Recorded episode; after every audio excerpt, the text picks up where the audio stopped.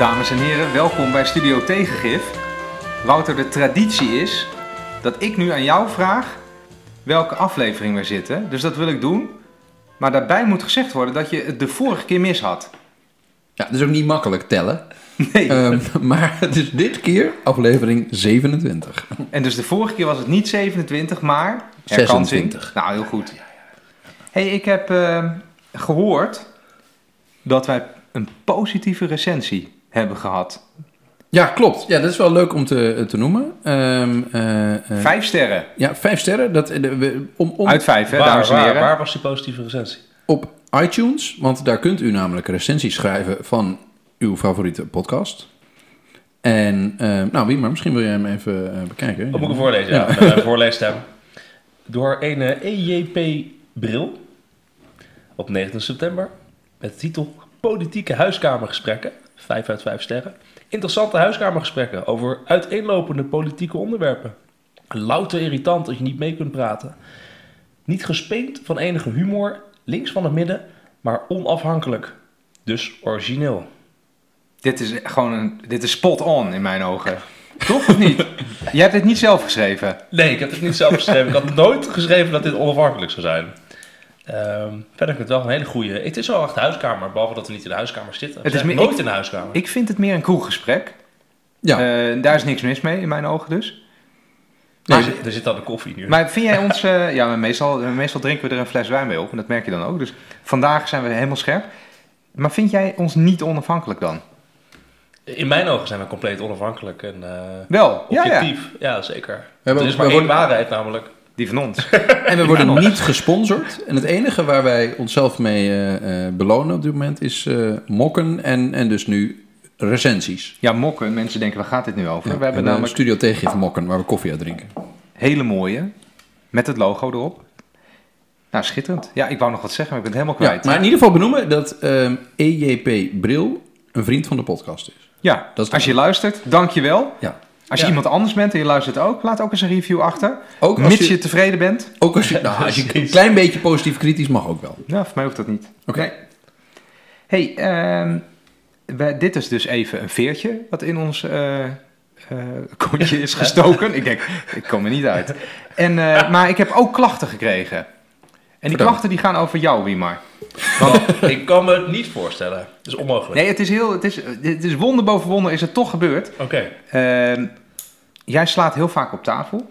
En dat is altijd een issue, want wij zitten hier altijd, eh, dat kunt u niet zien thuis, maar wij zitten altijd te gebaas wie maar dan weer in een tirade, eh, eh, halfwege een tirade zit. Dan wordt hij op een gegeven moment zo verhit dat hij dan op tafel gaat slaan. En het is een heel slecht idee als de microfoon op tafel staat. En dan kreeg ik gewoon een klacht over iemand die zei, ja, ik was er lekker aan het luisteren en toen ergens in minuut 1 opeens sloeg, sloeg Wiemar op tafel. Nou, daar had ik zo'n hekel aan, zei hij. Het spijt me enorm. Maar het, hoort een beetje bij de huiskamer vibe? Dat je af en toe op tafel slaat. In de kroeg doe je het ook, toch? Dat- maar ik, ik zal proberen... Ik sla heel vaak op tafel. Ja, in de kroeg, ja. Ik zal, ik zal, proberen, eh, ik zal proberen het niet meer te doen en eh rustig aan te doen. eh, op dan voorwaarde dat jullie niet schreeuwen. Ik krijg klachten dat mensen heel hard schreeuwen.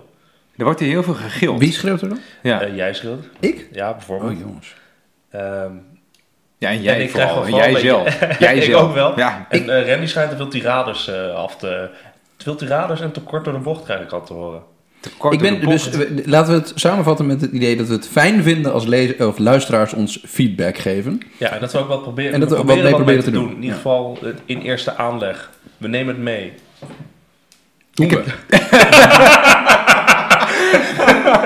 Ja, ik, ik, eh, ik, heb, ik heb alleen weer een tirade voorbereid voor vandaag. Ja, ik zag dat, ja. Ik Ja. zag het. Nee, we moeten het even hebben over de gekte. Ja. De traditie dicteert dat wij daarmee beginnen. We hadden, we hadden een paar, hè?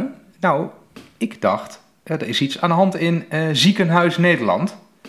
En daar wilde jij het over hebben, Wiemar. Nou ja, ik dacht gewoon de gekte van de week was toch... dat al het nieuws werd gedomineerd erdoor... dat het uh, Slotervaartziekenhuis uh, failliet is gegaan... en de IJsselmeer ziekenhuizen. Allebei in handen van bekende ondernemers. Uh, Loek de Winter en ik ben de andere naam even kwijt... maar in ieder geval een duo wat in, in de zorgbusiness zit... En die gingen failliet. En op een redelijk onverwacht moment. En er werden dus in één keer een aantal locaties gesloten. En iedereen stond op de achterste poten. Minister Bruins was natuurlijk enigszins... Bruno, Bruins. Bruins. De, Wat die is, is die is de minister van? zorgminister. Oh. De zorgminister. Die eh, werd redelijk verrast. Die moest ook allemaal persconferenties gaan geven met eh, we proberen het beste te doen voor de patiënten. Ze worden allemaal voor drie uur 's middags naar een nieuw ziekenhuis gebracht. En iedereen kan binnen drie kwartier met de ambulance nog steeds op de spoedeisende hulp komen. Ehm, en we houden geen ziekenhuizen in de lucht, want ja, ehm, we zorgen alleen dat iedereen goede zorg heeft, maar we zijn niet alleen om ziekenhuizen eh, eh, open te houden. en de zorg blijft gegarandeerd. Maar het was wel echt een storm van nieuws en verontwaardiging. Weet je wat Die ik heb je gek vond? gezien? Dat Ja, ik had natuurlijk. Ja, joh. Weet je wat ik gek vond? Is dat, dat ons publieke debat in Nederland eigenlijk een beetje moe is en een beetje lui. Want we gaan eerst allemaal dingen privatiseren in de zorg, want dat moet goedkoper. We gaan, eh, ziekenhuizen worden private ondernemingen met ondernemingsri- een ondernemersrisico. Nou, dat gaan we een tijdje doen en dan komt er, er wordt een stelsel opgetuigd en daar houden we toezicht op. En dan, zoals private ondernemingen kunnen doen, gaat er een private onderneming failliet. Dan staat iedereen op de hoogste benen om te zeggen: dit kan toch niet, dat kan toch niet, dat kan toch niet, dit is vreselijk.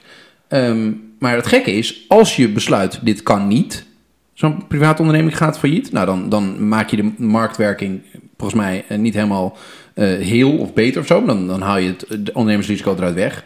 Maar als je kritiek gaat hebben dat dit kan, dan hadden we er überhaupt niet mee moeten beginnen dat ziekenhuizen private ondernemingen zijn. er waren ook heel veel partijen en mensen op social media die dat riepen. Hè? Die zeiden van, dit is het gevolg van de marktwerking, hadden we nooit moeten beginnen. Want, dat was het ene filmpje van, het was een 93-jarige mevrouw die door haar, haar eh, zoon of, of dochter eh, samen met aanhang uit het ziekenhuis werd gehaald. Ja, Ze er zou een operatie krijgen. er werden echt soort van mensen uit het, uit het raam Ja. getakeld. hè, Ja, het precies. faillissement. Ja. Ja. Maar ze moest toch naar huis en dat was natuurlijk gewoon een, eh, verschrikkelijk privéverhaal. Eh ja, en dan Ja, maar Wouter heeft toch gewoon gelijk. Als je, dat, eh, als je dat een private onderneming maakt, dan moet het ook failliet kunnen. Want anders, eh, ja, dat lijkt me heerlijk als ondernemer dat je niet failliet kan van overheidswegen. Hoe moet dat gaan dan? Dat als je ik- tekort hebt, dan stort, eh, dan stort de belastingbetaler wel weer bij. Ja, dan moet je een bank eh, beginnen. Nou, daar ben ik het natuurlijk helemaal mee eens. Alleen het interessante is natuurlijk dat de, bij die, die vrouw is wel meteen haar ehm, behandeling krijgt. Die ze kwijt die ze zou krijgen. Dat was iets van een kankeraandoening. Dus dat was best wel heftig. Mhm. Zou behandeld worden, geopereerd worden. Dat ging niet door. Ze moest naar huis, ze moest thuiszorg komen. Nee, ja, dat is wel Uiteindelijk heftig, ging ja. de- is moest de behandeling op een ander moment. Dus voor haar is het natuurlijk dan een hele vervelende situatie. En de zorgondernemers zelf, ja, wat gaan die ervan merken? Ik zag dus ergens, en dat is dus niet... Ik ben dus heel benieuwd of dat waar is. Misschien kan iemand me daarmee helpen. Ik vond het een fascinerend verhaal. Dat iemand zei dat die zorgondernemers voor 7,5 dag op de loonlijst stonden van het ziekenhuis. Per week. Per week. Ja, dat kan je, hè? 7,5 dag per week op de loonlijst stonden. Administratief zodat kan ze dat. Meer, zodat ze meer geld zouden kunnen verdienen dan de, de topnormeringen daar in de, in de zorg eh, die daar gelden. Het lijkt me Maar toch niet dat ze, daar, dat ze daarin zouden trappen bij het, eh, bij het ministerie. Ja, ik zie Wouter knikken. Ja, jij, bent- jij werkt bij het ministerie, dus jij weet dat ze hierin kunnen Nou, trappen. ik, ik zou zeggen, het zou me niet verbazen. Nee, maar dat, ik vond het heel opmerkelijk. Want eh ja, er is natuurlijk wel ook behoorlijk eh, wat geld met de Eh, ziekenhuizen. Waardeer jij de ondernemersgeest van deze artsen niet? Ik, van artsen, Ja. de ondernemersgeest van de ondernemers. Die, Die de artsen arts- inhuurden voor 7,5 dag per week. Nee, ze huurden zichzelf in. Oh, de, maats, de maatschappen van specialisten huurden zichzelf Nee, in voor... nee, de eigenaren van, ziekenhuis. dus de zorgondernemers, die werden, eh, die, eh, zeg maar, die, ehm, werden ingehuurd op het ziekenhuis voor meer dan zeven dagen per week. Dus het was niet dat de specialisten meer gingen verdienen. Ja, het maar eigenaren zelf. Zo, Wouter zit Ik zie te kijken. Een- maar dit, dit is wel dit is interessant ondernemerschap, Ja, ja. dat is een interessant ondernemerschap. dus we zijn in die zin dan zeker beter geworden als dit waar is. Ik ben, dus, ik ben gewoon echt super benieuwd of het waar is. Ik heb het niet gecheckt, maar ik vond het gewoon een geweldig verhaal. Nee, ik denk dat, dat, dat het mooie is dat hier gek over is en dat het ook een prima realisatie is voor ons dat eh, we in Nederland misschien niet alle nutsvoorzieningen zomaar moeten privatiseren en dan heel erg verbaasd moeten opkijken als het een keertje misgaat. Ja. Als je dingen privatiseert, kan het misgaan. Punt. Kan het failliet Ja. gaan? Ja. Ja, dat Maar hoort als erbij. doen. gaat natuurlijk de vraag over... Ik begreep nu dat eh, de provincie Flevoland... dat die zeg maar ehm, een brief heeft verstuurd... aangetekend brief aan Bruno Bruins... dat ze zorgen maken dat alle zorgnormen in, eh, in de provincie nu niet gehaald gaan worden. Ja, maar wat had hij moeten doen dan van en zo. Nou ja, eh, de vraag is natuurlijk... moet er nu alsnog toch bepaalde locaties open blijven... ehm, eh, van de failliete Ja, maar hoe dan? Door het te kopen of zo? Of door het, ja, eh, of ja. door doorstart Ja. of iets dergelijks. Of door Ja, failliet verklaren. En er waren allemaal nieuwe zorgondernemers die Ja. zeiden van wij willen wel een doorstart doen. We dat willen de boel wel Dat kopen. gaat nu Ja? gebeuren. Er zijn nu allemaal zorgnemers die zeggen van willen misschien wel kopen. Maar waar ik me even aan moest denken is het volgende. Ik heb ooit een keer voor een Tweede Kamerfractie gewerkt in de PvdA. En toen deed ik zorg als medewerker. Ja? En ik moest steeds denken aan die drie kwartier Zit jij achter die privatisering? Die drie kwartiernorm, die, eh, die dan bestaat. Hè? Dat je met, als jij dus zeg maar op straat neervalt Ja. en Ja? komt de Oh. ambulance op je af. Begin nou ook weer een beetje op tafel te slaan? Ja, ik Als zie je op het. eh. straat neervalt, dan moet de ambulance jou binnen drie kwartier op de spoedeisende hulp zien te krijgen. Ja. En ik weet nog heel goed dat er een keer een debat was. En dat ging over een, eh, een post, een spoedeisende hulppost of een ambulancepost die dichtging. En dat toen een eh, SP-Kamerlid zei... Ja, we hebben dus nagerekend. De drie kwartiernorm wordt niet gehaald door het sluiten van deze post. Dat hadden ze namelijk gedaan. Ze hadden namelijk eh, met Google Maps berekend... of je dan binnen drie kwartier naar de spoedeisende Ja. komen. En toen had de minister dus het antwoord... Ja, maar eh, Google Maps houdt er geen rekening mee dat de ambulances 120 km per uur rijden, geen 50. dat is natuurlijk briljant. dacht je ook van, daar had de SP even niet goed over nagedacht. Ja, dit vind ik, ja. Dit is, in je mijn deze In mijn anekdote. ogen is dit, dit is helaas typisch SP, hè? Dit had je zo, dit had je kunnen bedenken. Nee. Nu, nu we het erover hebben, er was ook nog heel veel ophef over. Als we het toch nog over ophef. Dat de, de SP die was op sommige plekken eh, voor de deur gaan staan in SP-hesjes bij het ziekenhuis. Ja, Eh, en dat vonden mensen dan weer een beetje... eh, onkies lu- of zo. onkies om daar dan te gaan staan namens jouw partij van... Hey, ja, wij hadden toch gezegd, wij waren voor het Nationaal Zorgfonds. Wij vonden die, pri- eh, die privatisering een Oh. stom idee. Ja, maar dit vind ik dan wel weer terecht. Als jij dat vindt, en dat vonden ze ook heel erg, beetje te veel bijna toen. Mhm. Het ging over niks anders dan het Nationale Zorgfonds. Ja, Ja, dan mag je best wel een beetje roepen, ik Consequent gelijk. was de SP zeker. Ja. Ja. ja, meestal als je gelijk hebt, als je echt gelijk hebt, dan zeggen mensen, ja, maar dat kan niet hoe jij dat nu claimt. Dat gelijk, dat is, dat is niet netjes. Dus wat dat betreft eh, is dit de haat die je krijgt als je, ja, als je gewoon een goed punt hebt als de SP zijn hier. hey, iets anders nog. Eh, wat mij ook opviel, was dat Wim Kok is overleden. En, eh, Kan je niet gemist dat hebben. kan niet gemist hebben. Weet je wat ik nou opvallend vond? Eh, er valt heel veel over te zeggen. Maar wat ik nou opvallend vond, dat eh, Lubbers was ongeveer drie maanden eerder doodgegaan of zo. Ja, Toch? En, eh, volgens mij, ja, begin dit jaar. Ja, nou, januari of zoiets. niet van heel jaar. veel eerder. Nee. Eh, nou, dat was gewoon een berichtje op pagina 3 voor mijn gevoel. Geen extra journaal, Nee. geen live uitzending vanuit Carré. Geen drie uitzendingen eh, van talkshows om te vertellen Nee. hoe fantastisch En iemand het was. ging, en ook vind ik wel terecht, maar had ik bij Lubbers misschien ook wel terecht gevonden. Dat is ook een grote Mhm. premier, Ja. veel betekent voor het land. Eigenlijk in mijn ogen van ongeveer dezelfde statuur als Kok. Allebei goede premiers geweest, lang gezeten, veel bereikt. Ja, bij Lubbers eh, gebeurde er niks. En bij Kok was het, eh, was het een week lang nationale rouw ongeveer. Die werd ook meteen tot staatsman uitgeroepen. Ook de, eh, de hoogste eer die je ten deel kan vallen, volgens mij. Ja, maar het verschil zat natuurlijk in dat Lubbers allerlei kabinetten heeft gehad die heel veel impopulaire maatregelen moesten nemen. En dat waarschijnlijk hij ook vanuit de werkgevershoek kwam. Hij had een werkgeversachtergrond, was al miljonair toen hij eh, premier werd. Volgens mij, Ja. toen de politiek Oh, dat zou kunnen. Dus hij werd waarschijnlijk niet gezien als een premier van alle Nederlanders. Wat je nu wel de hele tijd hoorde bij, eh, bij Kok. Dat is natuurlijk een ander verhaal, hè. Vakbonds. De laatste achtergrond. premier die de boel bij elkaar wist te houden, die iedereen wist te inspireren. Met een nieuw kabinet begonnen, met paars begonnen. Eigenlijk alleen, ja, nou ja, de, de ja, was dat het dan? crisis was natuurlijk ook in- ten tijde van de Lubbers kabinet. Dus hij heeft in de, de paars kabinet waar hij zelf premier was, heeft hij niet eh, extreem impopulaire maatregelen eh, moeten nemen. Ik denk dat dat wel wel... Nee, maar het uitmaakt. eindigde wel, eh, het eindigde wel in mineur. Met Srebrenica.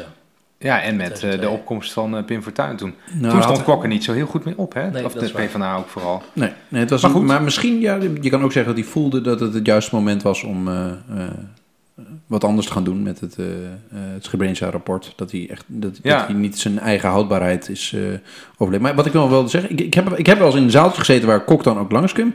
Ik vond het wel onwijs indrukwekkende man. Je hebt het soms bij mensen die in zalen kunnen zijn dat je voelt van, oké, dit is iemand die gewicht heeft en die, die ook een soort van natuurlijk leiderschap over zich heen draagt. Waar de andere mensen rustig van worden en die geloven dat wat hij zegt, dat dat eh, eigenlijk natuurlijkerwijs verstandig is. Dat vond ik wel mooi aan. Ik herken dit wel. eh, Het is eh, iemand waar je niet zomaar even op afstapt. En dat, dat heb je niet zoveel meer in de politiek. Nu. Nee, je vertelt, Wim Kok vertelde je niet zomaar dat het kletskoek was wat hij zei. Dat, dat ging niet op een of andere manier. Dat, dat, Ik vond het dat ook kon niet. Opvallend dat ze zeiden, oh, er komt een afscheid. Een publiek afscheid, dat wordt, houden we klein en bescheiden. Eh, Het was gewoon carré. Het was heel... Nee, dat was het concertgebouw trouwens. Dat was of heel, eh, sorry, ja, het hele concertgebouw eh, af, eh, Ja. afgehuurd. Ja, Ja. met, met, met ballet en klassieke muziek. En, eh, Ja, het is voor mij honderden wel de, mensen. de premier waar ik mijn eerste herinneringen aan zeg maar, heb als, als premier. Dat vind ik wel bijzonder. Ik wilde het vroeger zijn zoals Wim Kok. Dat, had ik, dat was echt een soort droom van mij. maar Dat zal een afwijking zijn. Nee, ik wil nog steeds zo zijn. Ja, ik vond echt, dat die vond ik echt rust en zo die fantastisch. verstandigheid. Dat je zo'n rustige leider kon zijn die, die, nou, het gevoel, dat die zelfs het land af en toe het gevoel kon bieden. Ja, nu, het komt goed jongens, het komt Ja. goed. En natuurlijk de geweldige beelden die je bij hebt. Dat beeld, ken je dat beeld van het, van het jeugdjournaal?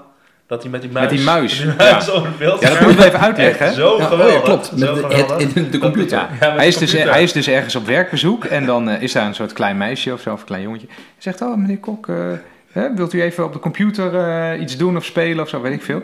En dan pakt hij die muis en die tilt hij op en Ja. die zet hij dan zo Nee, op het, iemand op zegt, het beeldscherm. moet even eh, klikken met de muis. En dan denk ik, nou, dan moet ik die muis eens pakken. Dan moet ik Ja. op het beeldscherm douwen. Toen viel Hij hij wel was- een beetje door de Hij man. was compleet digibet. Want je hebt Ja. ook, ik heb dat gehoord in de podcast Betrouwbare Bronnen van Jaap Jansen. was ook een stukje. Eh vertelde ze dat hij met een campagneteam zat. In, eh, dus in, eh, nou ja, ergens in de jaren negentig. En dat hij dus moest chatten voor het eerst. En dat Mhm. hij dus... Hij, eh, een geweldig luistermomentje. Waarna dus ging vragen, ja, maar wat is dat dan? En eerst werd dus verteld hoe hij met de muis aan de gang moest. Eh dat snapte hij natuurlijk al niet, maar dat werd dan verteld. En Wat moet dan allemaal? En vervolgens ging het over chatten. En dan hoor je Wim Kok zo vragen: chatten is niet van de show, van kat in het Frans. Omdat hij dacht: muis en kat. Een intellectueel, hè? Echt een intellectueel. Prachtig, prachtig. Hij ja. had geen flauw idee dat hij via de computer Precies, met je had andere deze- mensen moest je praten. had Hij geen tijd voor dit soort gedoe. Die het ook onzin. Die digitale dingetjes met Kok, dat is een beetje het skateboard momentje met Balkenende. ja, ja, ja, dat vergeet je ook nooit Precies. meer. En wat wordt dat momentje van Rutte dan? Poeh. Ja, dit komt nog. Dat komt, dat gaat, volgende week gaat er iets gebeuren en dan... eh, Ja, maar die is eigenlijk permanent zo. Zo- nee, vind zo- ik niet. echt, Die staat er altijd goed op. Altijd. Die heeft ook Ja. enorm bezig gezien met... met eh, hij Ja, mag met- nooit met een paraplu lopen. Ja, en klopt, ja, hè, ja. En wordt, Wat? mee- Hij mag nooit met een Ja. paraplu lopen. Ja, hij wordt altijd, zeg maar, voordat hij naar eh, Dat is ook- momenten, dus als hij, naar, als hij van buiten komt, dan moet officiële momenten, op het allerlaatste moment wordt zijn paraplu weggetrokken. En dan kan hij gewoon, zeg maar, eh daar naartoe lopen en staat hij eh, mooi op de camera. Die is een beetje gebogen, vreemd met een parapluutje of met een verzopen, eh, als een verzopen kat. Er wordt echt enorm over nagedacht bij hem. Ken je die verhalen niet? Nee, die, dit ken ik niet. Oh, nou ja, daar wordt over zijn, over zijn mediabeeld. Wordt, Ik geloof ook niet dat er niet over nagedacht wordt. Maar hij heeft inderdaad nog geen eh, vreemde momentjes gehad in die zin. hey, eh, de kok daar gelaten heb ik eh, een mooi bruggetje. Want we hebben het nu toch al over hoe we kok zagen als een sterke leider. oh, wat is Dit is echt... Oh, wat, is is dit weer een slecht bruggetje. Wat is het thema Goed, van deze podcast? Ja, want ja. even, want dat weet eigenlijk niemand. Nou, eh, we gaan het vandaag hebben na toch wel een kwartier lekker keuvelen. Heerlijk, gezellig. Ehm, over eh, de roep naar de sterke man. Eh, en dat, dat doen we eh, eigenlijk als, als directe aanleiding dat er in eh, Brazilië verkiezingen zijn geweest, waar eh, eh, Bolsonaro eh, verkozen is. En eh, nou, naar aanleiding hiervan verschenen in een aantal eh, kranten en, en online eh, eh, platformen artikelen over de drang die in heel veel landen bestaat om eh, te grijpen naar nou ja, schreeuwerige, meestal rechtspopulistische mannen die eh, een grote verandering voor het volk beloven. Die, eh, die menen dat er een soort homogeen volk is dat zij vertegenwoordigen en die ze gaan bieden waar ze eigenlijk al tijden recht op hadden. Eh, en dit, dit gebeurt in heel veel landen en, en, en Brazilië was eigenlijk een van de, de meest stuitende voorbeelden daarvan. Ehm, Want en heel veel landen, want in de, ik zag ook allemaal ik lijstjes. kan, ik kan wel een prachtig lijstje. Ja, ja, ik heb, ik heb er echt helemaal mee even ingedoken. leider? Overigens vaak een man, maar misschien kun je straks vertellen over sterke vrouw. De sterke man, MV. Ja. Ja, de, de sterke man, eh, nee, je hebt dus Bolsonaro in, in Brazilië. Ik, ik kan straks nog wel allemaal vertellen wat ze ook allemaal doen en vinden en willen. En je hebt eh, Orbán in Hongarije, die valt wel in dit lijstje te scharen. Je hebt onlangs eh, in, eh, in Italië heb je eh, Salvini van Lega Noord en Di Maio van de Vijf Sterrenbeweging. Eh, in Polen heb je president Duda en eh, premier eh eh, Morawiecki. Morawiecki, ik, ik kan het niet zo goed uit. Morawinski, Morawinski of zoiets, ik kan het niet goed uitspreken. Ehm eh, Bij mijn aantekening heet hij anders. hoe heet hij weer? Kaczynski. Oh, Kaczynski, sorry. ik, heb de, ik heb zijn eerste minister. Maar president in ieder geval Duda. Ehm, en eh, Duterte in de Filipijnen. Eh, nou ja, en we hebben de andere, de- we hebben Trump in de Verenigde Staten, Erdogan in eh, Turkije, eh, Het begint een heel lijstje Xi te worden in elk Jinping in geval. China. Ik kan nog even doorgaan. Ja, die vind ik er totaal niet bij horen, maar dat ga ik Andere straks ja, vertellen. Maar, maar het, het, wat in ieder geval opvalt, is dat er veel leiders zijn die heel veel macht naar zich toe trekken. En ook voor verkiezingen al een verhaal houden waarbij zij het oké eh, menen te vinden om heel veel macht naar iemand toe te trekken. Als een soort political strongman. Ja. Ehm, en ja, wat ik interessant vind is dat, dat wij eh, in, het, eh, in ieder geval de, de, de zogenaamd weldenkende westerse landen, in ieder geval de zichzelf wel- weldenkend achtende mensen, eh, die gaan heel erg nadenken van ja, hoe kan dat nou? Hoe kan dat nou dat ze in Brazilië zo iemand ook- Daar gaan we kiezen? nu toch ook over nadenken. Ja, ja, ja. Over waarom, waarom is die, die, die, die, die, sterke man, slash vrouw, want we hadden het over... eh, Oh, wat correct. Nog in, Oh. in, in- Ja. in Frankrijk, die overigens nog niet tot leider Die is heeft nog niet gekozen, gewonnen. Maar die eh, is ook best Dat was populair. kiele kiele. En jij wilt het erover hebben, maar ook Randy, jij wilt het er ook over hebben. Want eh, dat weten de luisteraars misschien niet allemaal, maar jij schrijft af en toe columns voor RTL Z. En je bent nu een... En ik heb een, gaat dan- een volgende in de maak en die gaat ook Ja. over de sterke man. Daarom. En de onlosmakelijke band tussen de sterke man en het rechtspopulisme. Eh, ja, dat, wil- dat, eh, dat, eh, dat is hartstikke interessant. Dat ga ik straks helemaal uit de doeken doen. Nou, ik ben, ik ben, Ja, dus- jij ik bent in je benieuwd. opbouw Ja, ik heb allemaal hè? ideeën waarom, we, waarom dit zo is en waarom we dit, dit graag eh, willen doen. Eh, in ieder geval waarom heel veel landen eh, de neiging hebben om op, zoek te gaan naar een soort sterke personen. En, en ik twijfel eigenlijk de hele tijd tussen een soort vrees van... gaat dit in, in West-Europa ook gebeuren? Ja. Of zijn wij, ja, zijn wij zo welvarend en, en eh, gelovend in onze coalitie en polderdemocratie... dat het hier eigenlijk niet gaat gebeuren? We zullen eerst eens proberen te bedenken waarom blijkbaar deze leiders populair worden. En daarna Mhm. wat, ze, wat voor eigenschappen ze hebben. Want dat zijn volgens mij twee eh, Ja. verschillende dingen. En als je kan uitleggen waarom, want blijkbaar wordt erover nagedacht. Ik niet. Als je kan uitleggen waarom ze populair worden, dan kan je ook vragen eh, waarom ze, of dat in Europa ook gaat gebeuren. Ik denk dat als je het heel eh, simpel probeert samen te vatten, dat de essentie is dat we in een tijd leven waarbij in heel veel van dit soort landen de mensen beginnen te vermoeden dat hun kinderen het misschien wel eens slechter zouden kunnen gaan krijgen dan zijzelf. En dat ze daarom op zoek zijn naar mensen die een nieuwe vorm van geloof bieden. Dus ik, eh, de, je ziet dat in al deze landen eh, andere vormen van geloof in het systeem afneemt. In Brazilië was het immense corruptie. In, in Hongarije was het eh, een economie, economie die niet, liep zoals men wilde. In Polen was het ook het geval. En daar zijn dus, dus steeds minder dingen om, om hoop te bieden voor grote groepen in de bevolking. En de, de eh, traditionele eh, sociaal-economische verhalen bieden daar weinig eh, hoop. Namelijk dat de, de, de mensen in de middenklasse het in de toekomst nog beter zullen krijgen. Waardoor er een soort van gat ontstaat voor een nieuw verhaal. En dat nieuwe verhaal wordt gemaakt door deze strongmen die beloven van u heeft sterk leiderschap nodig en ik ga het homogene volk, het echte volk, eh, waar eh, u toe behoort, dus de echte Hongaar, de echte Pool, de Ja. echte Braziliaan, ehm, die ga ik beschermen tegen de schurken. Whatever de schurken ook maar zijn. Dat zijn of de communisten, of dat zijn de immigranten, of dat zijn de wie je ook maar mag doen. En daarvoor heeft u nodig, u van het homogene volk, ehm, een sterke, eh, strakke leider die u veiligheid biedt en economische voorspoed tegen de boeven die aan de poort staan. Ehm, en ik denk dat hier alleen maar een, een mogelijkheid voor is wanneer er weinig andere zaken zijn die geloof in het systeem bieden. Wanneer mensen dus niet meer geloven dat eh, een traditionele langzame democratische veranderingen een kans bieden. Gewoon het stemmen op de een of de ander die een klein beetje voortkabbelt en een klein beetje aan het voor- systeem morrelt. voor- want wat voor geloof is dat dan? Want ik, ik, ik ben me ook enigszins voorbereid op dit, deze podcast. En dan zag ik dit weekend een heel groot artikel over de sterke leider in de Volkskrant. En daar zeggen ze eigenlijk gewoon, het is onzekerheid. Dus algemene onzekerheid bij kiezers, bij de bevolking. Die ervoor zorgt dat ze op zoek zijn naar een sterke man. Want die kan wel zekerheid bieden. En die onzekerheid gaat dan wel zowel over economische zaken, als over culturele zaken, als over religie, als over... Dus er zijn allerlei dingen waar je onzeker over kan worden. dat, vind jij dat, nou een, eh, man. vind dat nou een overtuigende eh, uitleg? Van er is onzekerheid, dus mensen grijpen naar een soort semi-dictator. Ik vind dat zo gezocht.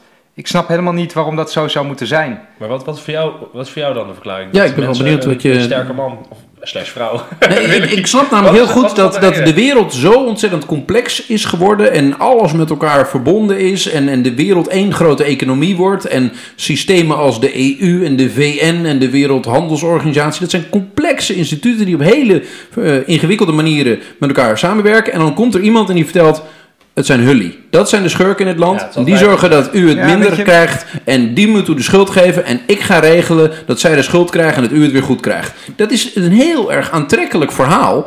Als je merkt dat die prachtige, goede, internationaal opererende organisaties. jou toch echt niet zoveel voorspoed hebben gebracht. maar een ander groepje in je land wel. Ja, ik vind, mijn probleem met deze uitleg is dat hij eigenlijk veronderstelt dat de mensen die deze mensen hè, aan de macht eh, stemmen, dat het een soort debieltjes zijn die allemaal de wereld niet begrijpen en de wereld gaat te, te hard voor hun. Dus eh, we kiezen op iemand, eh, we stemmen voor iemand die hele simpele dingen roept. En ik denk niet dat mensen zo dom zijn. Ik denk dat er namelijk hele goede redenen zijn om misschien. Nou, Eh. nou, ik denk, nu doe je alsof ik denk dat mensen dan dom zijn of zo. Ja. Eh, maar het, het, het, eh, het is meer dat de traditionele politiek vaak geen echt verhaal meer van verandering bood. Ehm, dus het is, ehm, wij staan ervoor van wat er al jaren in dit land gebeurd Ja, is. staats- de status quo wordt verdedigen door de traditionele partijen. En Precies. dan komt er een populistenleider die wil verandering. Die wil Ja, de po- politiek is in veel af- landen weinig meer echt politiek geworden. Als in, ehm, wij gaan de problemen in uw leven keihard aanspreken. Maar ik, jij hebt hier duidelijk een hele sterke mening over. Jij was net van, ik heb er moeite mee, want het is een beetje het verhaal van, het zijn, de kiezers zijn een beetje simpele zieltjes. Maar jij had andere redenen waarom een sterke leider. Ja, ik ben, je, je begon over die column van Randy waarin hij ging uitleggen hoe dit Ja, dus eh, ik ben eh, heel benieuwd kwam. wat jouw redenering die moet- Ik die heb die column van die- Wouter nu gehoord, maar Ja. was jouw Mensen- redenering dat mensen voor sterke leiders gaan Die column kiezen? is er nog niet, die moet nog eh, Mhm. gepubliceerd worden. Hè? Nee, weet je wat ik denk? Eh, er worden in de Volkskrant bijvoorbeeld, het artikel wat je noemt, worden hele complexe academische eh, theorieën aangehaald waarom dit dan nu gebeurt. Hè? Want je ziet het overal, je noemt al die, al die mannen die overal gekozen zijn. Ik denk dat, eh, dat je altijd moet zoeken naar de meest simpele verklaring. En ik denk dat, dat er één hele simpele verklaring is die er bovenuit springt. En die heeft een beetje te maken met al die internationale instituten en eh, die, die technocratie, nog niet genoemd, Mhm. eh, die er is. Ehm, want jij noemde de Europese Unie, dan moet ik altijd meteen aan technocratie denken. Ik denk dat mensen bijvoorbeeld, en laten we migratie pakken als, als voorbeeld, want daar gaat het heel vaak over bij al die, bij al die sterke mannen. Ze zijn allemaal tegen, tegen migratie, hè? Als ze in landen aan de macht zijn waar mensen na- naartoe willen, hè? Eh, wat in de Filipijnen niet zo is. Ehm, het electoraat, een deel daarvan, eh, laten we zeggen, ja, laten we niet overdrijven, een deel van het electoraat roept al decennia, wij willen minder migratie. En zij worden wel eh, daarin bediend door de eh, tussen haakjes nette rechtse partijen, een beetje la de VVD, die roepen, ook, die roepen dat mee. Hè? Van ja, u heeft wel gelijk, minder migratie vinden wij ook, en bla bla. En dan zijn de verkiezingen voorbij, dan komen die partijen aan de macht en er, er gebeurt niks. En het heeft heel vaak te maken met ja, maar eh, deze mensen hebben toch eh, grondrechten die hier willen komen. En we hebben dit verdrag ondertekend en daar kunnen we niet onderuit. En ja, een echte wet veranderen of echte grondwet veranderen vind ik toch een beetje ingewikkeld. Nou, end of story, er gebeurt steeds niks. Eh, dus die, die, die wil van deze mensen die iets, die iets willen in politieke zin, minder migratie of uit de EU of whatever, dat, dat, dat stokt de hele tijd op allerlei eh, regeltjes en verdragen en instituten en conventies eh, die ertoe leiden dat er niks gebeurt. En dan wordt het heel erg logisch. Denk een- jij werkelijk dat mensen dat dan bij voorbaat daadwerkelijk willen? Dat, dat vind ik heel... Ik, Kijk, ik, jij ik gelooft geloof nou nog dat... steeds niet, na Ik- ik 20 geloof- jaar, dat, die mensen- dit echt willen. Nee, ik geloof dat ze ze gewoon willen het aangepraat worden. echt. Oké. Ja, ze willen het echt. En dat is in de VS ook zo. Wat- Eh, wat- ze willen daar minder technocratie. Nee, Dat ze willen minder migratie bijvoorbeeld. En d- dat wordt al vaak genoeg gezegd van we gaan minder migratie. En het gebeurt niet. En het is maar een voorbeeld, hè, migratie. Want er zijn meerdere eh, van dat soort thema's. Eh, en aan de linkerkant heb je een beetje hetzelfde. Dat steeds wordt gezegd, ja, de koopkracht van mensen is, be- is belangrijk. En die staat ook al, met name in de VS, al 30 of 40 jaar Daalt, geparkeerd. Of die daalt zelfs. Dus er zit zo'n verschil tussen wat hun tijd beloofd wordt en wat er daadwerkelijk gebeurt. Dat mensen denken, weet je wat we gaan doen? We komen er blijkbaar niet doorheen. Eh, door al die regeltjes en door al die structuren die, eh, die tussen wat ik wil en waar we zijn staan. We gaan nu iemand kiezen die zo onaangepast en ruw is. En een soort halve dictator binnen zijn partij, à la Trump. Die er dwars doorheen beukt, die zich nergens wat van aantrekt. Die die verdragen desnoods gewoon verscheurt. Of in ieder geval zegt dat hij zich nergens wat van aantrekt. Zegt dat hij al de verdragen verscheurt. Zegt dat hij whatever. Nou ja, heeft hij niet het klimaatverdrag gewoon opgezegd? Heeft hij niet gewoon eh, die handelsverdragen zowat verscheurd? Eh, om een betere deal te krijgen voor de Amerikanen? dat is wat mensen wel, daar Er zit denken. heel veel symboliek, hè? Dus dat is wel... Het is, het is puur symboliek. Het is enkel nee, en alleen... Nee, nee, maar nee, bijvoorbeeld, bijvoorbeeld eh, bij, ehm, bij ehm, eh, Hongarije, Orbán, die zet gewoon de grens dicht. Ja, die bouwen gewoon een Eh, hek aan de grens. Italië, Letterlijk. Salvini zegt gewoon van, we laten gewoon geen schepen meer binnen. Nul, komt niks meer in. Trump die zegt nu, op dit moment zegt hij, ik stuur allemaal militairen naar de grens, want er komt, eh, komen migratie komt eraan. ja, dat is er puur en alleen omdat er een verkiezing aan zit te komen. Nee, nee, maar, het, maar dat is natuurlijk eh, eh, nou ja, dat kan precies hetzelfde. Je zit richting die Koerden enorm lawaai te maken. Dus, dus je- je ziet daar wel een soort eh overeenstemming. Maar dit is dan op migratie. Je hebt het over economie. Ik, vind het, ik zat dus te denken aan Jascha Monk, heet volgens mij. Dat is de, die politicoloog van Harvard die het boek heeft geschreven. People versus Democracy. Het gaat ook over de opkomst van populisme. Mhm. Hij zegt er zijn drie verklaringen in zijn ogen. Eén, migratie, eh, multiculturele samenleving. Eigenlijk willen de kiezer willen, willen minder migratie, de grip op, controle over. En de uh, staatskooppartijen kunnen dat niet bieden, dus kiezen we voor populisten. Dat is de verklaring uh, die net genoemd. De andere is van economische standaarden blijven achter. Uh, is al 30 jaar niet meer echt omhoog gegaan voor de normale mensen. Mhm. Dus uh, kiezen we voor, voor een radicaal economisch idee, dus voor populisten. En de derde is eigenlijk informatievoorziening, social media. Van er is nu zoveel, je kan zo snel allerlei beelden onder de kiezers verspreiden. Waardoor ook de vatbaarheid voor populisten veel, veel groter wordt.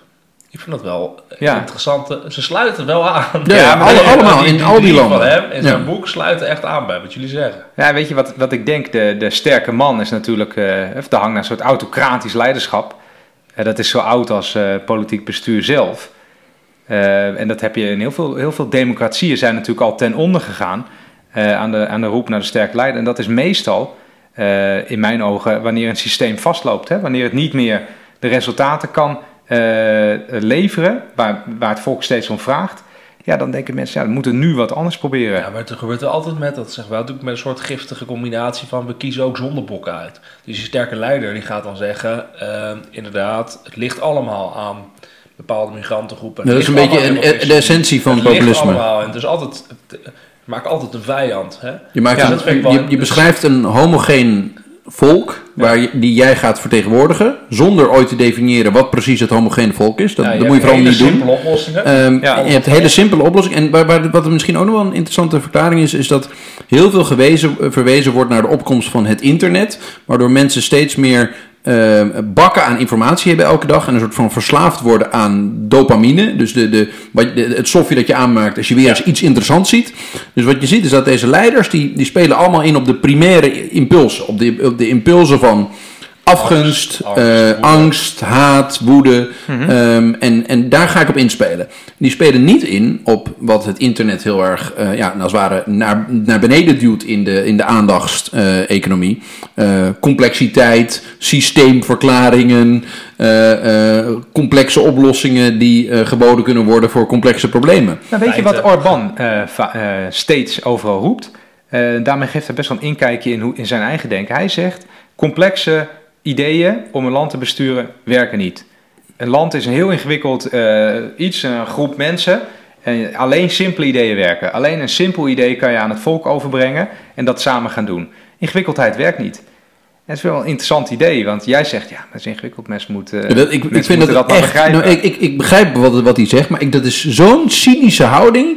Waarbij ik, ik ben liever optimistisch eh, en dat ik geloof dat dat onzin is en dat er nog best een, een mogelijkheid is om mensen dingen uit te leggen. eh, en dat ik het verkeerd heb, dan dat ik ook cynisch word en denk van... nee joh, je moet er alles gewoon simpel maken. Je moet gewoon simpele oplossingen zoals muren bouwen gaan eh, verkondigen. Ik, daar, daar kan ik niet in meegaan. Dat, dat, dan slaap ik echt niet lekker. Nou, weet je wat ik wel lastig vind? Dat ehm, eh, links richt zich vaak een beetje op activisme en eh, succesvolle eh, hè, demonstraties of zo. Of, dat gebeurt in Amerika ook, hè, met die, met die roze hoedjes en zo. Grootste demonstratie ooit. Ja, Women's Eh, March en zo. Ja, dat, ja, ik kon er even niet op komen. Dat eh, richt zich op het creëren van publieke ophef over hè, hij heeft iets gezegd of eh, hij heeft iets gedaan. Oh, dat kan toch echt niet? Nou, hè, dat lukt dan ook vaak wel. Echte ophef moet ze het soms wel terugnemen. Maar rechts focust zich maar op één ding. En dat is gewoon verkiezingen winnen en de macht grijpen en de wetten veranderen en de grondwet veranderen. En ik maak me wel eens een beetje zorgen dat links dan straks over tien jaar een paar leuke demonstraties heeft georganiseerd. Terwijl rechts in, eh, in Hongarije en in Amerika alle wetten heeft Hele democratie om ze Ja, heen het geholpen. Hoge Rechtshof overgenomen, de grondwet gewijzigd, allemaal essentiële wetten eh, veranderd. Ik denk wel eh, eh, dat, eh, dat links eens goed na moet denken over of die strategie wel zo werkt. Maar moet je dan de strategie van de sterke leider en de populist en het aanwijzen van zondebokken en simpele oplossingen gaan volgen? Of moet je die voedingsbodems voor, voor, voor het populisme en voor de sterke leider wegnemen? Nee, Want- ik denk dat zondebok aanwijs van populistisch rechts, dat is hun Achilleshiel. Want uiteindelijk, eh, Ja? Is dat iets wat misschien op de korte termijn lekker werkt? Hè? Van, oh ja, het is de schuld van de moslims of whatever. Hè? Eh, Ja. Schuld van die of van dat. Ehm, daar kan je eens op aanpakken. Want uiteindelijk is ook de hang naar gelijkheid tussen mensen... eh, is juist iets wat, wat ook heel emotioneel diep zit. Maar dit is al iets complexers, wat je nu zegt. Het is heel simpel om te zeggen. Het zijn gewoon, weet ik veel, in, in, in, in Turkije zegt Erdogan, het zijn allemaal de Gulenisten. Het zijn de aanhangers van Gulen, die hebben het gedaan. Ja. In, eh, in Hongarije zijn het eh, iedereen, die, eh, iedereen die met Soros te maken heeft. Het is gewoon een heel simpel verhaal. Heel antisemitisch. Dat, dat eh, of het zijn de zigeuners. Ja. Eh, ja, die Bolsonaro zegt gewoon, het zijn alle links Communisten. fraude, fraudegevoelige communisten die het al de jaren, Ja. jaren verknallen. Dus dat is een soort. En hij is natuurlijk enorm homofoob Ja, en, eh, en- en- donkere mensen heeft hij dat het ook niet zo interessante, Want die, wat, wij, wat dan ook de sterke leider is vaak gewoon een man die extreem onaangepast, heel agressief allemaal dingen roept, super ruw is, niet volgens enige regels handelt, eh, tegen homoseksualiteit is, eh, eigenlijk racistisch is, eigenlijk tegen eh, zeer vrouwenvriendelijk. Het is eigenlijk gewoon, gewoon een, totale beest. Ja, Ja, totale ik- randebiel. Dus sterke leider. Ik, er is maar een verschil tussen maar, maar hoe je dat leider en zo'n randebiel. Ja, Ik zou dus betogen dat dat, on, dat to- totaal onbeschaafde en onaangepaste gedrag, dat staat op nummer 1 in de functieomschrijving van dat de is belangrijk, dat moet je doen. Ja, want dat, die, eh, dat eh, eh, kiezersvolk wat achter zo'n man staat, die zijn dus op zoek naar een soort gek die er dwars doorheen beukt. Want die zien dus boven zich zien ze ehm, een elite die het allemaal hè, regelt met elkaar en die steeds, eh, Mhm. de- wanneer het volk iets, iets wil, nou toch hè, een beetje de afschaven en een beetje veranderen en We blablabla. organiseren het wel langzaam dat Ja. u weer... U mag even op de inspraakavond komen en dan gaan we weer door. Ja, laten we even Italië erbij halen. Hè? Je, je noemde net die twee, eh, die twee mannen. Ja, die eh, Salvini van Lega Noord en ja, eh, Di Maio. ik zie dat allebei nog als aspiranten hè, voor de sterke man positie. Want in een land kan maar één sterke man zijn.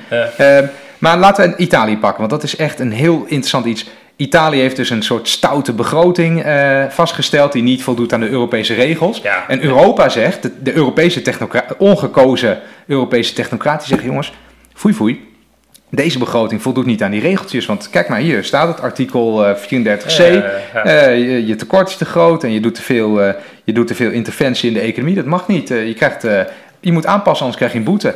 En, die, en dan hebben ze beet, hè, die populisten. dit is, Ja, dit is voor hem perfect. dit is 100% ik wil even perfect. benoemen, hij stond dus ook op het, hij stond op het balkon van het paleis van de eh, eh, premier.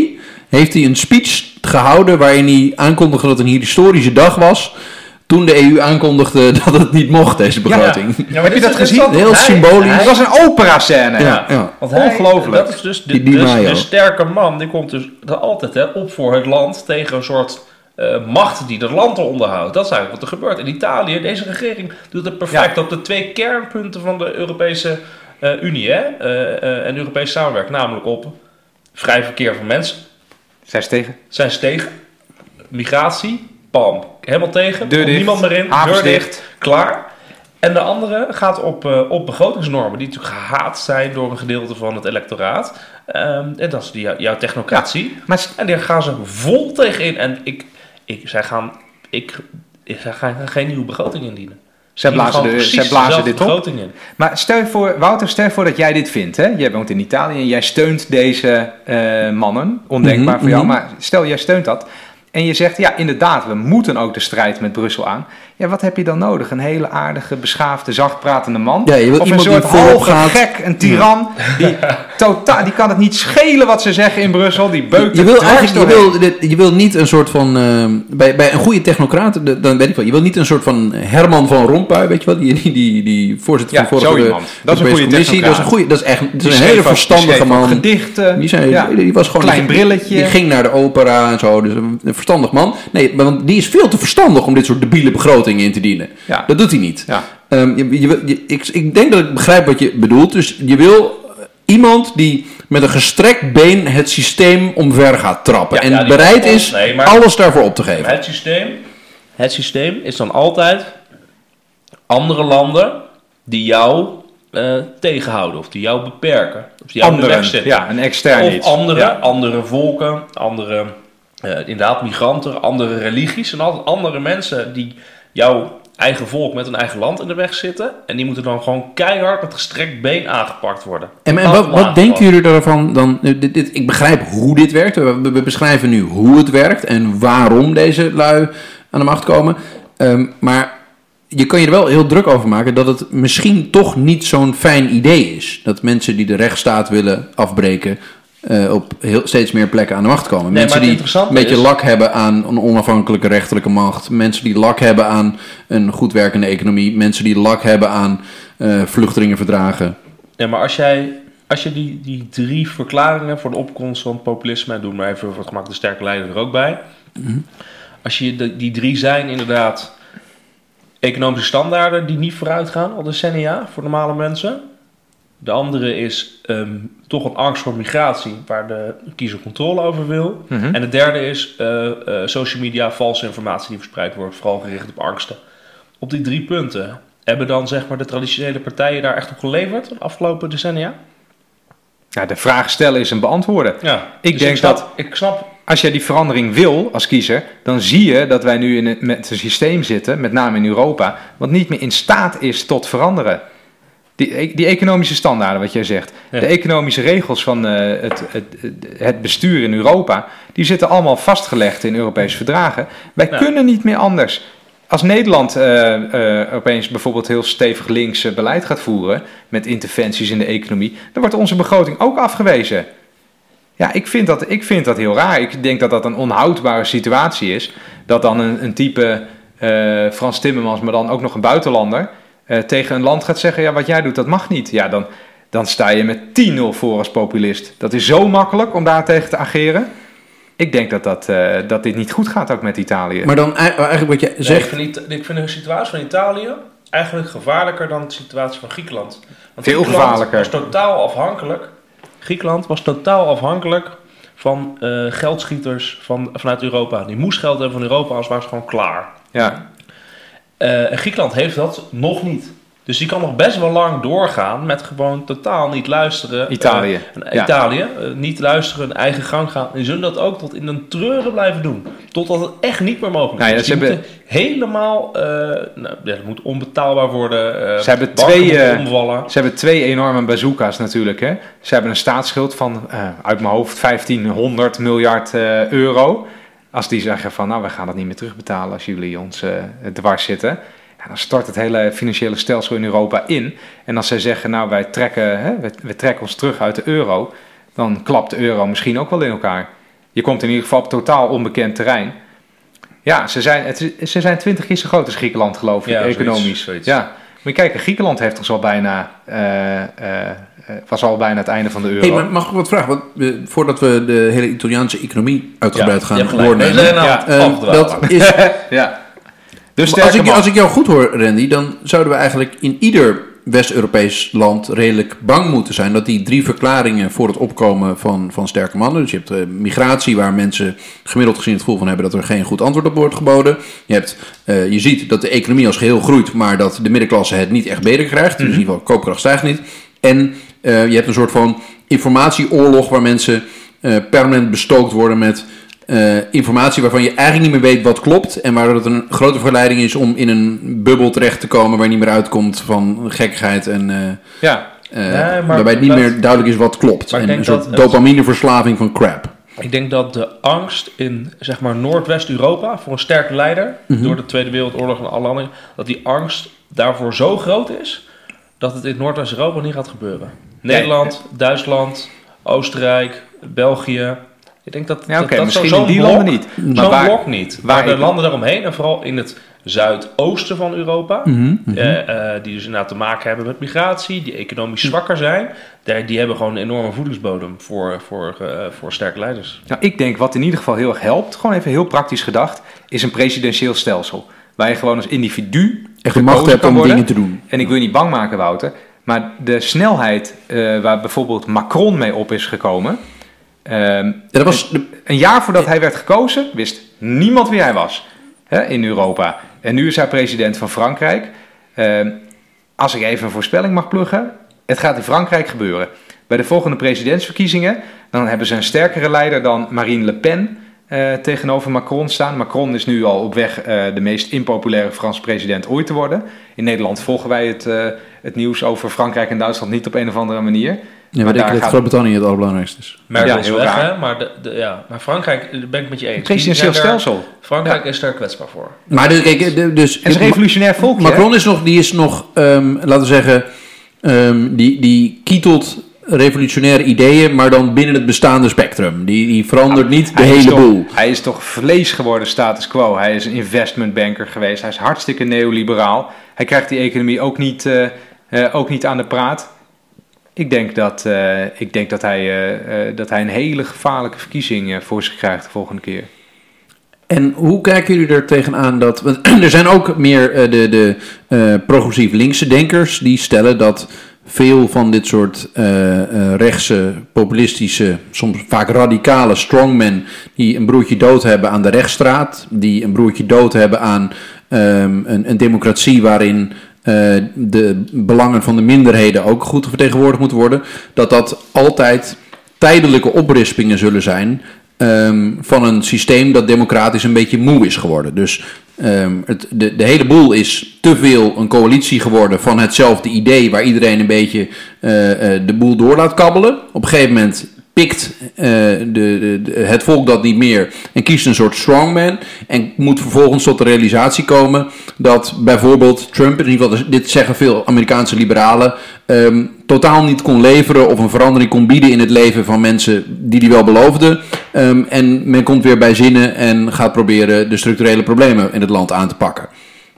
Dat is wat, wat ook de, de, de linkse mensen in, in Polen hopen. eh, nu, nu daar het, het Hoge, Rechtshof, Ho- Hoge Rechtshof vervangen wordt door mensen die door de eh, eh, rechtsconservatieve PIS eh, gesteund worden. De pispartij. De ja, pispartij, ja, ze heet echt zo.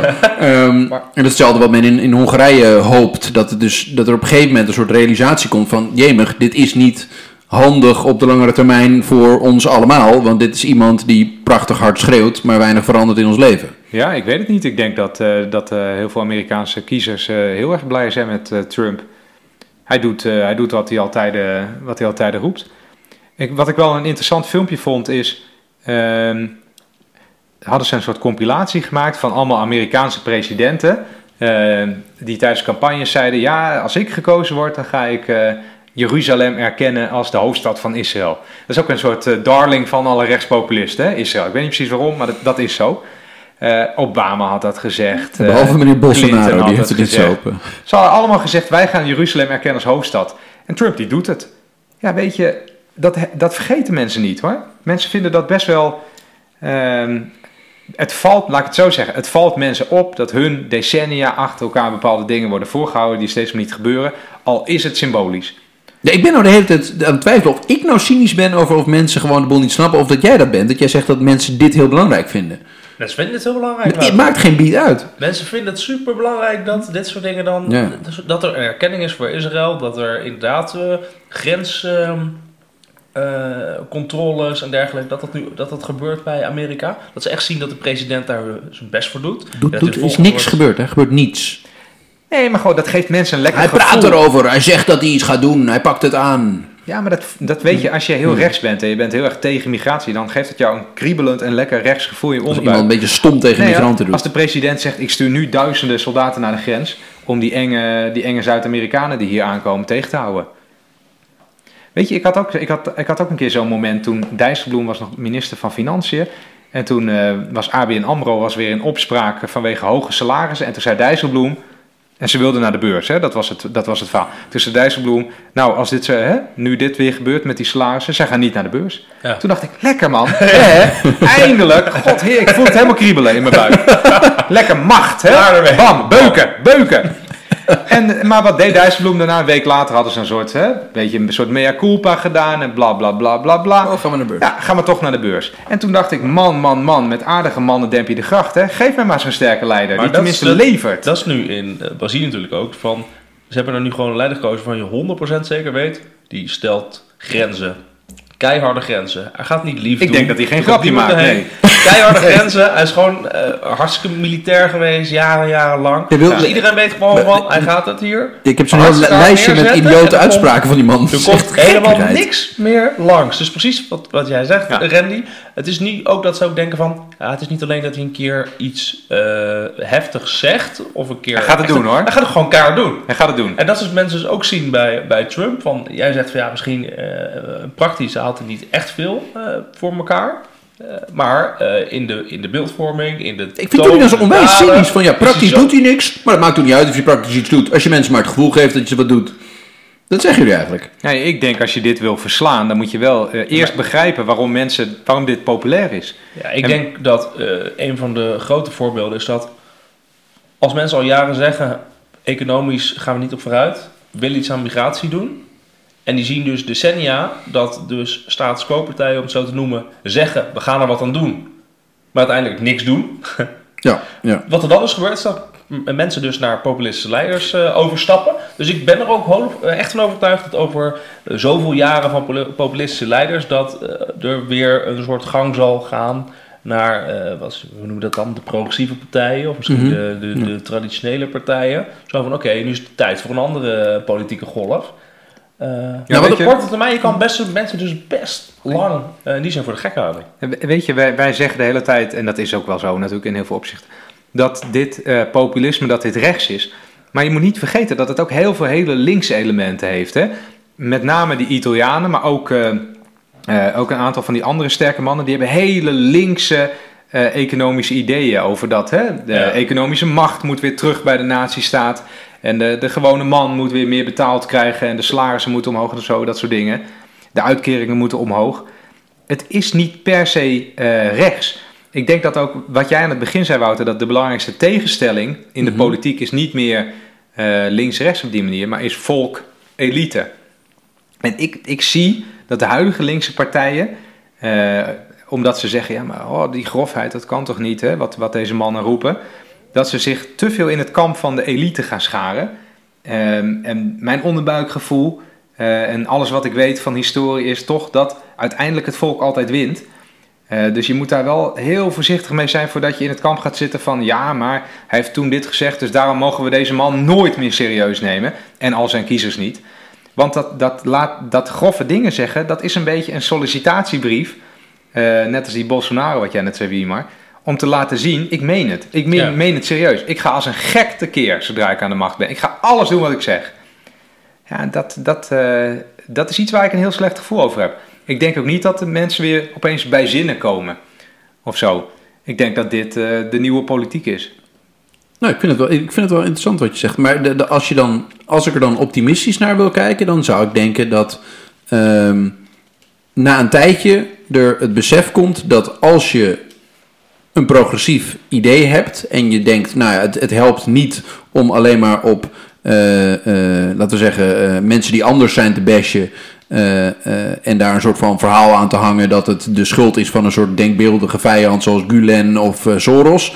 Ehm, maar dat je een sociaal-economisch idee hebt hoe je vindt dat iedereen in een bepaald land, in een, in een democratie, het beter moet krijgen.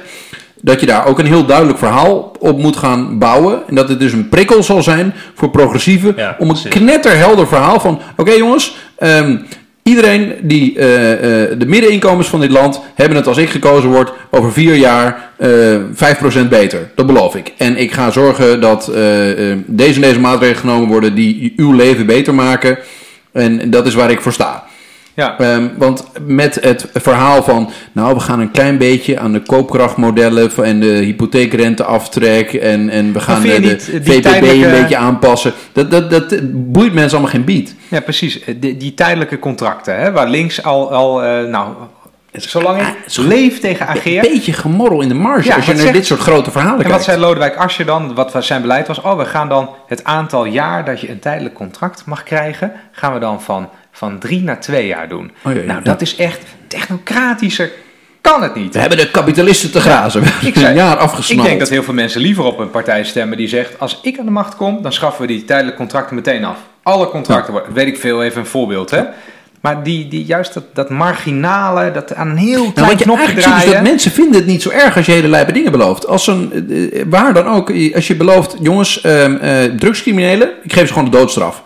Ja, Dit, dit is niet zo dat Nee. mensen daarna zeggen van, nou, we stemmen nooit met deze man. Eh, dit, is, dit is echt, eh, we zeggen allemaal, oh, nou, die meent het. Die, die is in business. ja. Ehm, Nee, maar die is net zo boos als ik.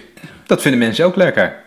Weet je, als jij heel boos bent, dan wil je toch niet op iemand stemmen die, heel, eh, die, die dat allemaal onzin vindt. Mhm. Aan de andere kant, het, het cynische, want dit, dit zou het optimistische verhaal zijn, dat het dus een prikkel is voor, voor progressieve mensen die geloven dat je door, eh, eh, als het ware, een, dat, dat mensen diep van binnen allemaal goed zijn en dat je niet een groep van zondebokken hoeft aan te wijzen om de wereld een beetje beter te maken. Ehm, dat dit een prikkel zal zijn voor die progressieven om zelf te komen met een sterk, duidelijk herkenbaar verhaal. Dat niet alleen maar gebaseerd is op we gaan technocratisch een beetje de scherpe kantjes van het kapitalisme afhalen.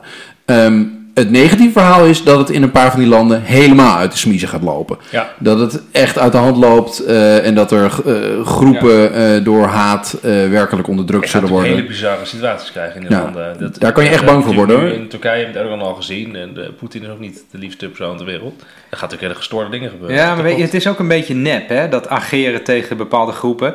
Eh, Wilders die ageert in Nederland al, eh, al 15 jaar tegen moslims. En ik zag gisteren een opiniepeiling dat Nederlanders het meest tolerant zijn over, tegenover de islam van heel Europa, bijvoorbeeld. Orbán die, eh, die, die maakt zich schuldig aan echt 100% raszuiver antisemitisme. Ja, in Hongarije staat de grootste synagoge van eh, eh, Europa.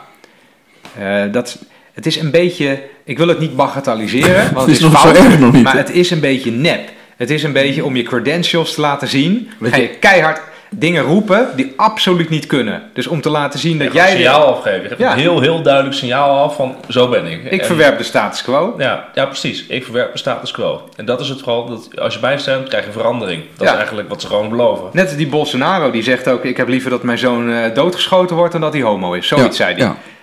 Eh, dat, is, dat zegt hij omdat je dat echt niet kan zeggen. Nee, klopt. Denk ik. Ja, misschien vindt hij het ook echt. Dat ze, die man is ook obviously hè, eh, aan de hele andere kant dan waar wij staan in de politiek. Maar ja, dat is om te laten zien van ik ben hartstikke, ik ben hartstikke loco jongens. Je moet op mij stemmen. Ik ben gek. Als jullie, eh, als jullie in de komende weken denken, wat zeggen die allemaal? Dan heeft dat te maken. is allemaal bewust. Allemaal bewust. allemaal bewust. Eh, extreem, extreem standpunt nemen. Ik dacht eigenlijk, ik zeg wat, want volgens mij moeten we... Ja, we zitten al, ja, we- het, ik- het ging wel als een trein voorbij, moet ik zeggen. Ja, het was een Ja. hele leuke discussie, Ja. moet ik zeggen. Dus ik ben- niet ik heb- een oplossing hebben, maar ik vond het wel heel leerzaam. Ja, nou, misschien wel, ja. Heb ik geslagen op tafel trouwens? Nee, één keer één zachtjes één maar. Heb je nog dingen in je eh, column die gaat verschijnen op RTL Z-ren die, die je nog niet genoemd hebt? Maar die toch wel het noemen waard zijn? Of moeten mensen het gewoon gaan lezen? Nee, ik, ik trek één, één conclusie die wij zelf ook al een beetje aangestipt hebben in het verhaal dat ehm, als je links bent, richt je echt op de macht en op het winnen van verkiezingen en niet op het eh, organiseren van leuke demonstraties en geslaagde acties. Want uiteindelijk gaat het alleen om de macht in de politiek. Ehm, en dat vergeet links wel eens. Ik denk dat je weer... De kritiek van Reddy is een beetje eh, ongenuanceerd. Die, eh, die klopt uh, deze keer ook wel. Maar je schrijft maar eigenlijk ik zie dat als een- linkspolitiek moet gewoon stoppen met collectieve actie. Dat is eigenlijk wat je zegt. Ja, ik zie nu Overschat middel. Ja, maar nuance is, eh, er is helemaal geen plek voor nuance in de politiek. Er zitten, er zijn, in het Nederlands parlement zitten 15 partijen of zo. Die nuance die verzuipt in, eh, in, in, eh, in de hoekjes en gaatjes van het parlement. Je moet gewoon een, een heel helder standpunt hebben. Dus een verkiezingsprogramma van een A4'tje, waar de PVV om uit wordt gelachen. Perfect. Oké, heb je nog geschreven vandaag, Wouter? Valt mee. Heb? Heb, heb ik geschreven? Nee, helemaal niet. Nee, ja, voor de uitzending werd je wel... eh het werd hij kreeg je een soort emotioneel. kleine woede. Ja, een Dat emotionele waar was ik er boos over. Ja, toen ging het over iets, iets met internet, denk ik. Daar word je altijd heel emotioneel over. Ja. Ja, het internet, jongens. Het internet. Ehm, nee, wat misschien goed om, eh, om het cirkeltje rond te hebben. ehm, eh, dat mensen eh, reviews kunnen achterlaten over deze uitzending. en zich kunnen abonneren. Abonneren in Ja. iTunes, in alle dingen die we maar hebben. eh, Stitcher, Podcast Addict, eh, noem maar op. En dat ze reclame kunnen maken. Dat ze altijd met suggesties kunnen komen. Voor nieuwe afleveringen. Mhm. En we zitten erover te denken, en dat is misschien ook iets voor in de suggesties, over een, om een eh, studio tegengif whiskyavond te organiseren. Om in gesprek te gaan met eh, onze trouwste fans. Klopt, maar dat doen we Fans alleen. ook. Fans. Fans. Dat doen we alleen. We zijn Ja. in ieder geval met z'n drie dan met whisky. Dat doen we alleen als er genoeg mensen zich bij ons melden dat ze mee willen doen met de whiskyavond. Dus dan moeten ze dan wel even. Laat het gerust weten. Allemaal aan Wouter. Eh, is wel leuk, een beetje, be- beetje, beetje borrelen, een beetje, beetje ageren. beetje ageren, klopt. En Wouter, je had nog een idee om geld eh, te inzamelen. Oh, ik zit er ook over na te denken. En eh, dan mogen mensen zich wel bij mij vermelden. Voor de whiskyavond kunt u zich bij de mensen met social media impact, eh, Randy en Wiemar melden. Nee, voor, dat, om, om een soort Patreon-actie te doen. Want we hebben ehm, eh, af en toe Patreon. hebben we... Wat is dat? Patriot, het klinkt voor Patreon als is een- Patriot raket. Het is een, een website waar je kunt toezeggen dat je mensen die iets maken, met eh, kunstenaars, muzici, schrijvers, dat je vooraf zegt van nou, elke keer als u iets produceert, dan krijgt u eh, een euro. Ehm, en zo, ik sponsor bijvoorbeeld een, eh, een, een, een- een paar blogs die ik een goed idee vind. Die krijgen een euro als een, eh, een stuk schrijven.